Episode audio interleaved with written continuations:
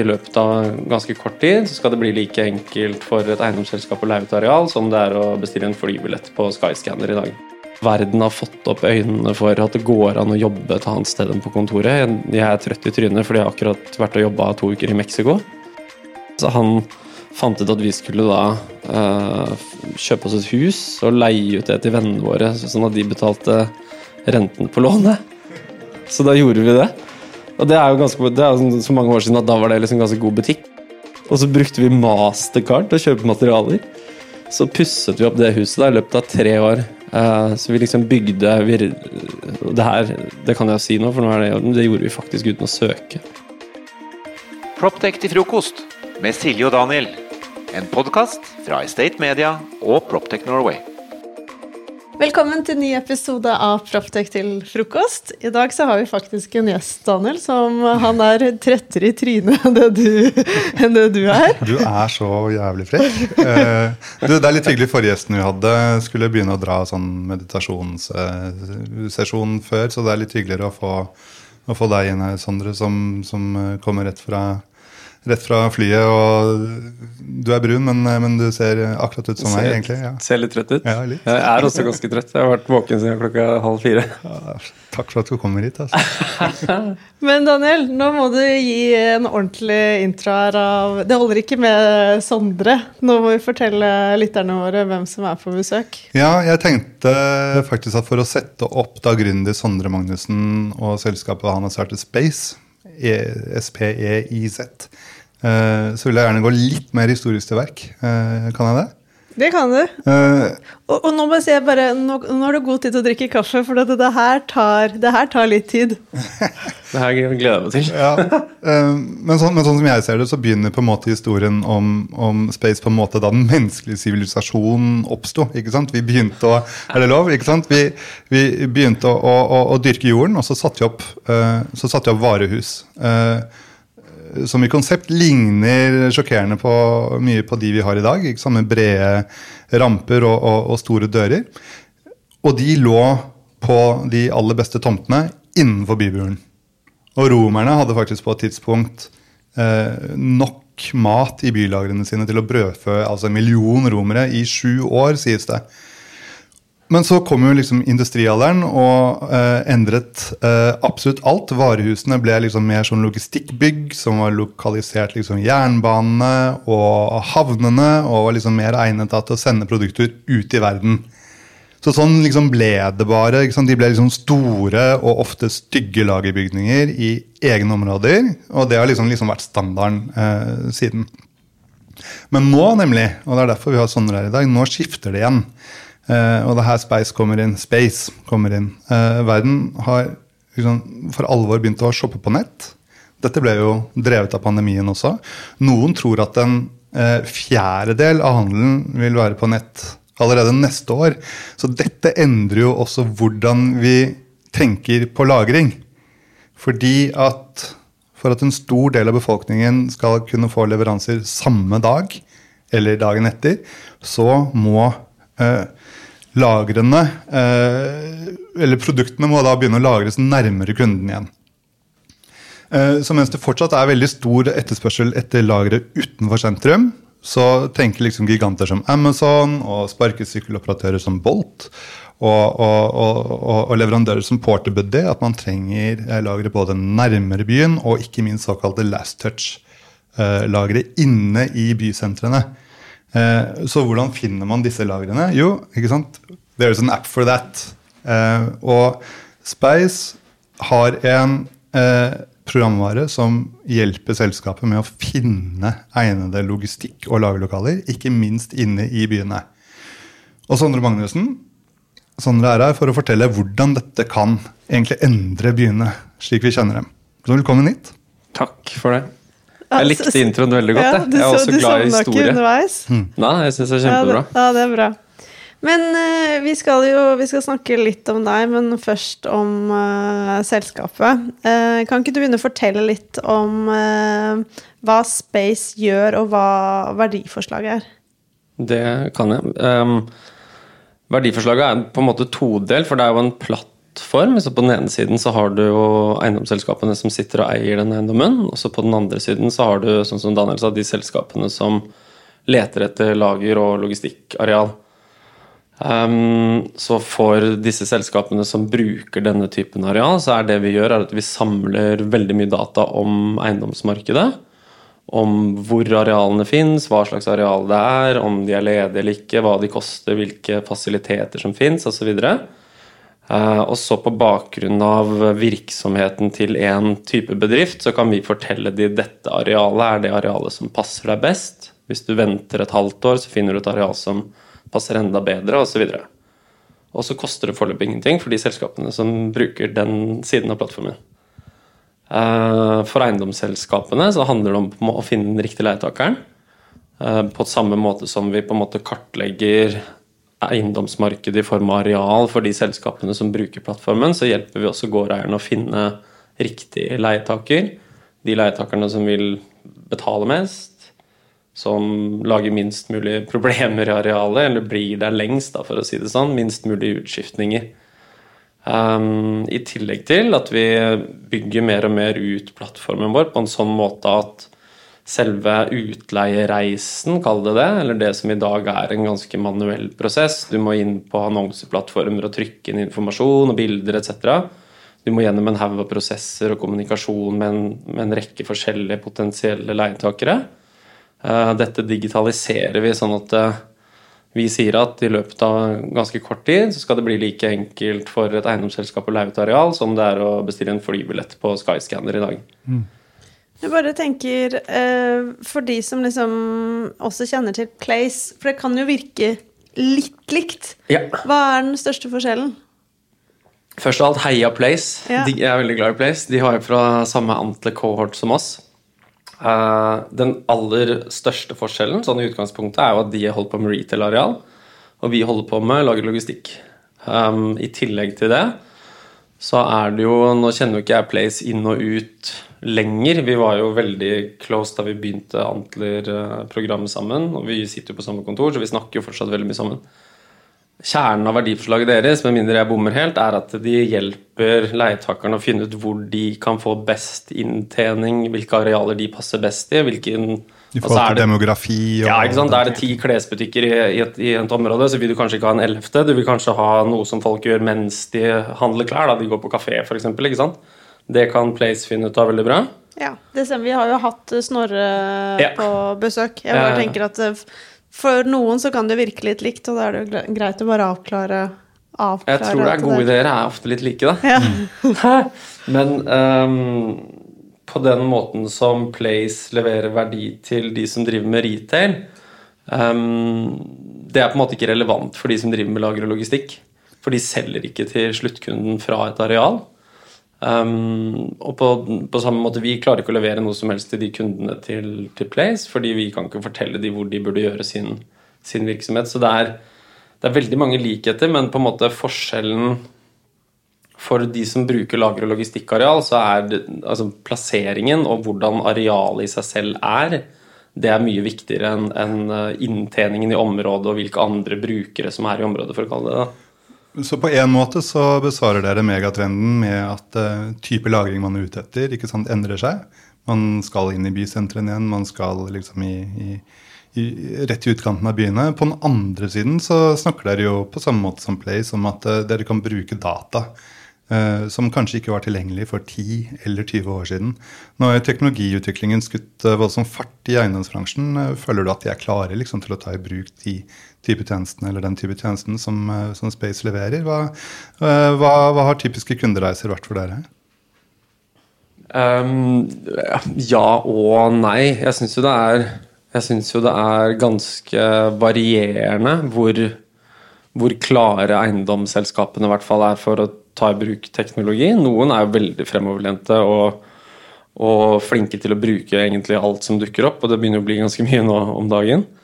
Eh, men jeg tror i hvert fall det vi på en måte har som en sånn stor bøyg på tavla som vi må overkomme, er å, er å på en måte dytte uh, brukerne eller aktørene i markedet litt i den retningen vi vil. Da. Det er av en eller annen grunn så er de prosessene vi jobber med, helt manuelle i dag. Det er telefoner, det er handshakes, mm. det er alle mulige sånne ting.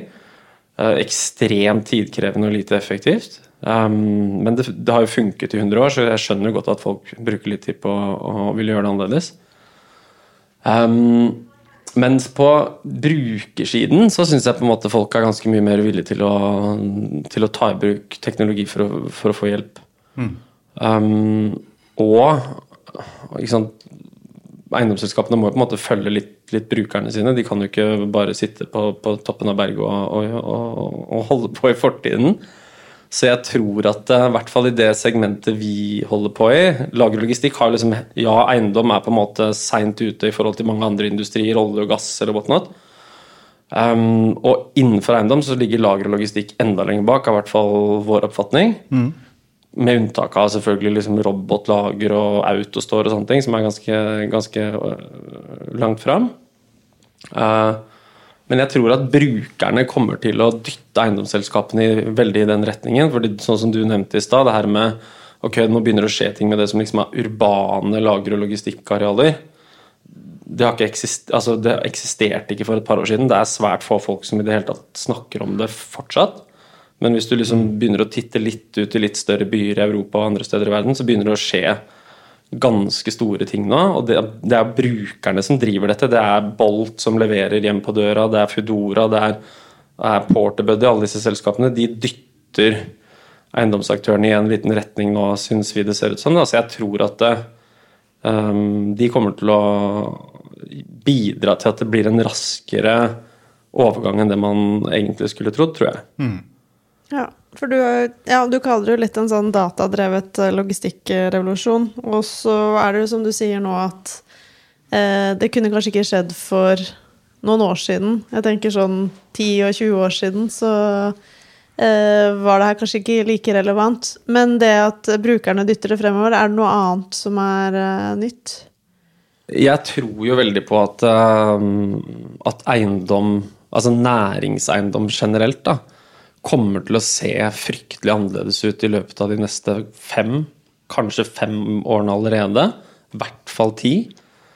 Altså, det er så mange grunner til det, men liksom sånn de store overordnede som alle prater om, ok, sånn som du nevnte, det er netthandel. ja, 25 i løpet av neste år. og pilene er liksom, Det er så bratt økning på hvor mm. stor del av fysisk retail netthandel spiser. Det gjør selvfølgelig noe med retail-markedet for næringsareal kontor. ikke sant? Altså Verden har fått opp øynene for at det går an å jobbe et annet sted enn på kontoret. Jeg er trøtt i trynet fordi jeg har akkurat vært og jobba to uker i Mexico. Det funket fint. Ja. Um, det kommer til å gjøre noe med, med kontorsegmentet i næringseiendom. Det sier seg sjøl. Um, I tillegg til at Jeg vet ikke hvordan det er med dere, men sånn, jeg spiser halvparten av måltidene mine levert på døra. Det går ikke, med mindre de selskapene som leverer disse tingene, har arealet midt i byene. og Det er lager og logistikkareal. Det er det for retail, det er det for mat, det er det for transport, mobilitet. Så det høres veldig sannsynlig ut da, at næringseiendom kommer til å forandre seg til fordel for, i anførselstegn, for de som ikke ser fingrene mine så mye sånn, uh, til fordel for lager og logistikk. Og spesielt det som vi sier det, eller vi kaller det ikke det, men urban lagerlogistikk. Det er liksom, det, det syns jeg er det kule, eller mest spennende innen eiendom om dagen. Det er det. Med Life at Work fra VNI er alle byggtjenester samlet i én løsning. Med én og samme app for alt av adgangskontroll og parkering. Til booking av møterom eller matbestilling kan du som gårdeier ta grep om dine verdier og skape en enkel og sømløs hverdag for dine leietakere. Finn ut mer på veni.no. For Du snakker jo en del om altså det du kaller for urban mobilitet. Det er jo det vi har snakket om før også, Sondre. For det, når varer plutselig da skal leveres til, til sluttbruker i tide, så må liksom alle avstander og trafikkmønstre og alt må jo på en måte analyseres. Er det dette dere tenker på på måte i denne, i denne dataplattformen deres? Mm, absolutt. Det er jo liksom altså, Det er jo mange undersegmenter i dette her, men liksom Alt starter med eiendommen. Da, Du har et urbant areal som legger til rette for hjemlevering av varer du har kjøpt på nett. Hjemlevering av mat, altså scootere og whatnot. Um, så jeg tenker liksom at Nå datt jeg helt ut.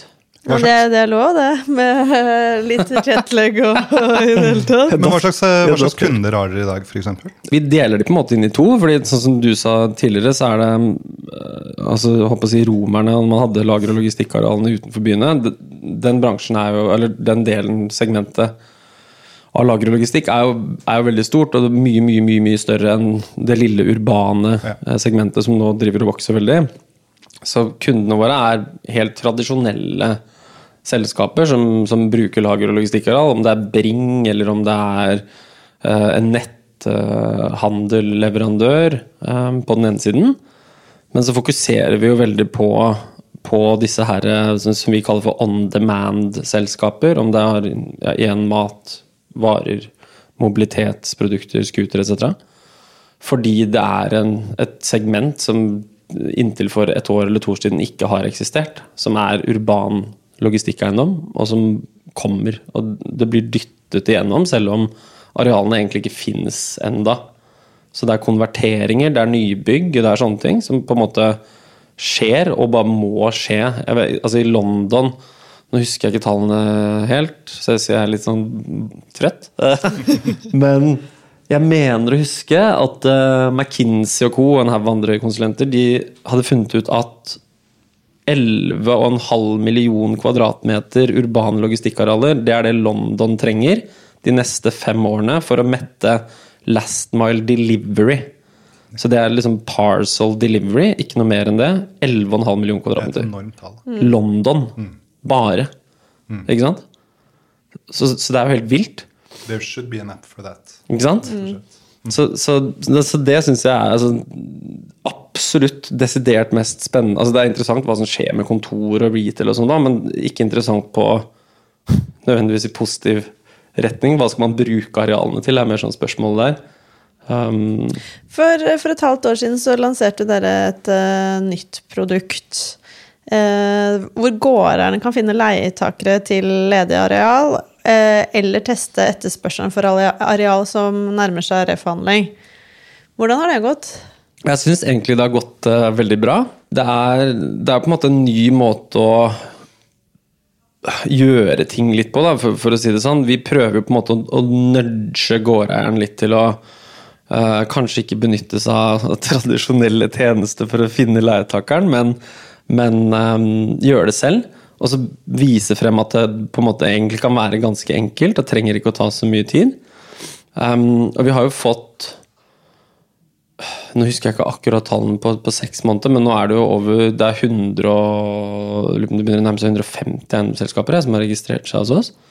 eh, Og som har testet ut eh, den funksjonen, og den driver vi og bygger ut fortsatt. Teknologien i det er én ting, fordi det, må, okay, det må på plass et bibliotek av leietakere. Vi må lære programmet å finne disse leietakerne og få de inn før de skal flytte, osv. Um, men jobben med det er på en måte å bygge den, det biblioteket, for å kalle det det. da.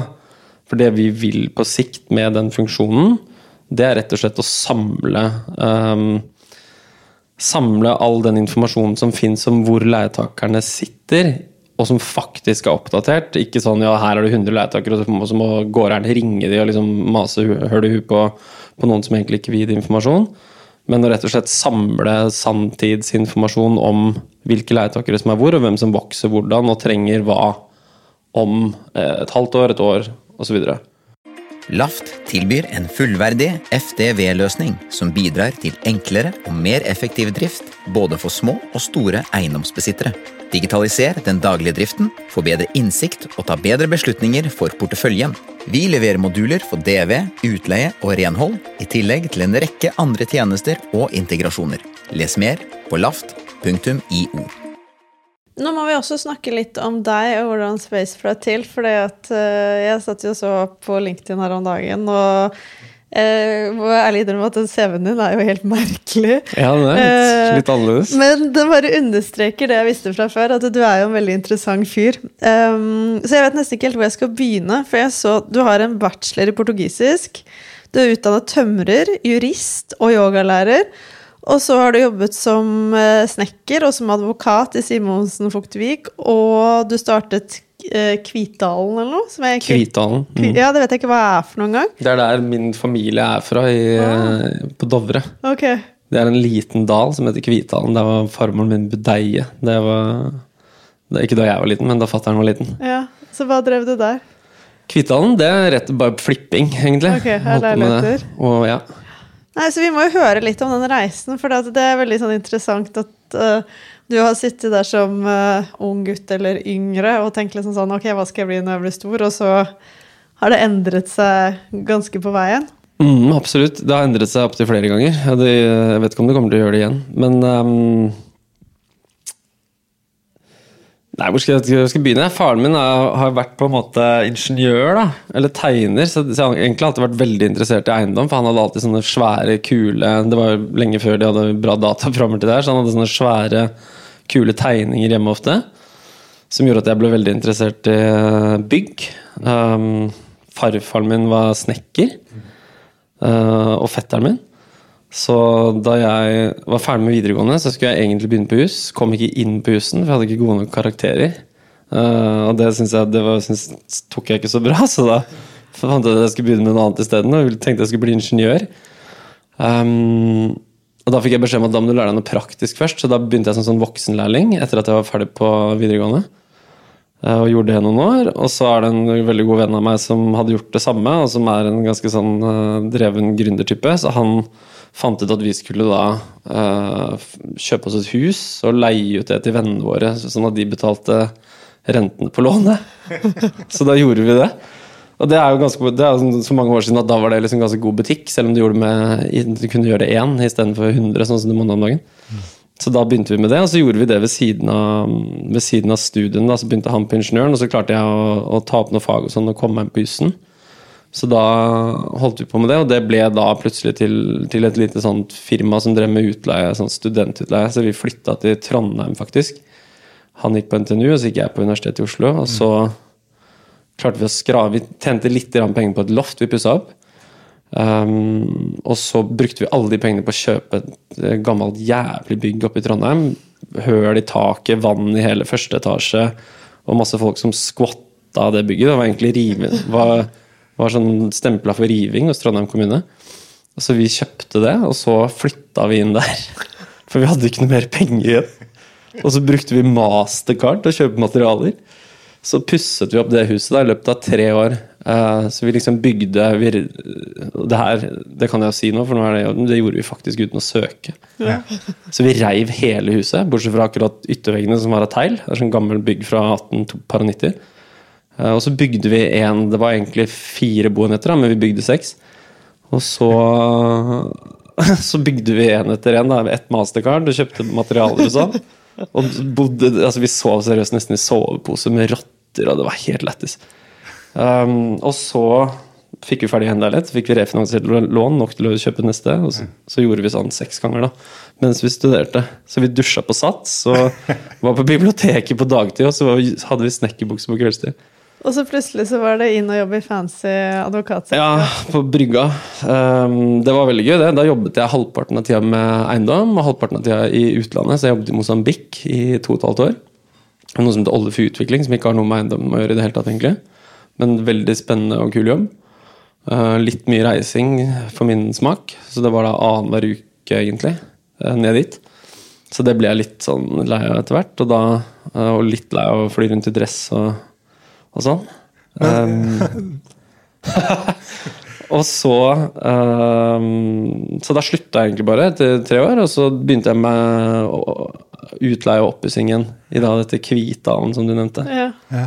Som er Så favorittselskapet. gründerskapet ditt begynte egentlig å, å, å, å, bygge, å bygge ulovlig på, på krita, på en måte. Det er, det er, en, det er et, en kjempeanbefaling til alle innovatører der ute. Eh, eh, Du får ting til å gå litt fortere, i hvert fall. Ja, Man sover litt dårligere, det, kan jeg, det kan jeg garantere. ja, I hvert fall når du sover i sovepose med rottene samtidig. Ja. Eh, Det var, det var egentlig ikke så ille. Det var verre å vite at man egentlig ikke hadde lov til å bygge det vi bygde. ja, Men det gikk bra, da. Vi, vi ble jo ferska til slutt. Men eh, så byg, måtte vi bygge om litt, og sånn, men det gikk greit. Eh, Men jeg så jo jeg så jo forleden så var det en stor uh, artikkel i Forbes om, uh, om Antler. Uh, det begynner å Jeg vet ikke om du leste Mm, den? Uh, Magnus, ja. Ja, en veldig, veldig flott artikkel. Uh, Antler begynner å vekke litt oppsikt. Du var jo da, som du nevnte, også da selv en del av Antler-programmet. Det var jo der du møtte makkeren din. Hvordan, hvordan var det, altså hvordan oppsto liksom ideen om, om space? Den, hvordan var den historien? den kommer egentlig fra, fra Eller det var på en måte Paulus som hadde den til å begynne med, selv om den da var litt annerledes. Hvem er kom- Paulus? Paulus er uh, co-founder og CEO of Space. Mm.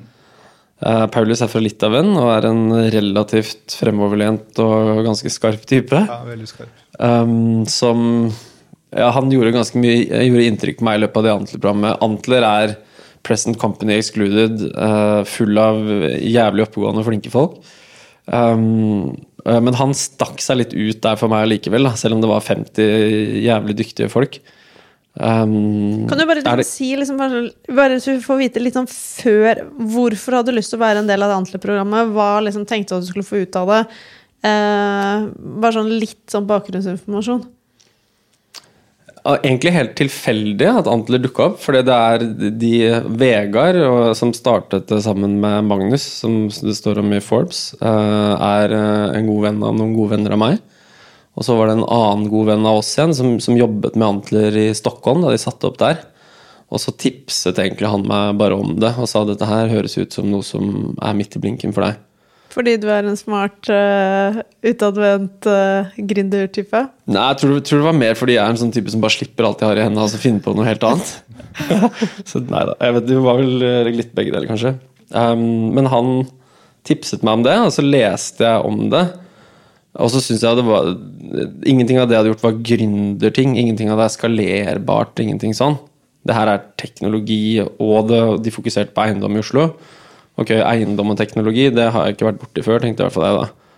Um, I tillegg til at det hørtes jo ekstremt gøy ut med alle disse forskjellige menneskene og alle mulighetene og alt sånn. Så da søkte jeg på det. da, Brukte en lang tid på å søke. eh, For å, jeg ble ikke headhunta til Antler, sånn som mange andre blir. Uh, Og da, sk da skrev jeg Antler spurte da um, Ok, hva er du mest stolt av så langt i livet ditt? Og da skrev jeg faktisk det jeg fortalte nå om dette her rottehuset oppe i Trondheim. Jeg skrev ikke at vi hadde bygd det uten å søke, men jeg skrev om hvordan det var. da. Fordi vi var jo tre venner som gjorde det sammen. Og det var jo en ganske sjuk eh, tid da, å bo i sovepose og studere og alt sånt samtidig. Så det var uh, veldig kult. Så da klarte jeg å snike meg inn der. Og så fikk jeg lov til å være med, da. Da så da la jeg ned Kvithallen og gjorde det. Og hvordan kom ideen til, til Space i gang?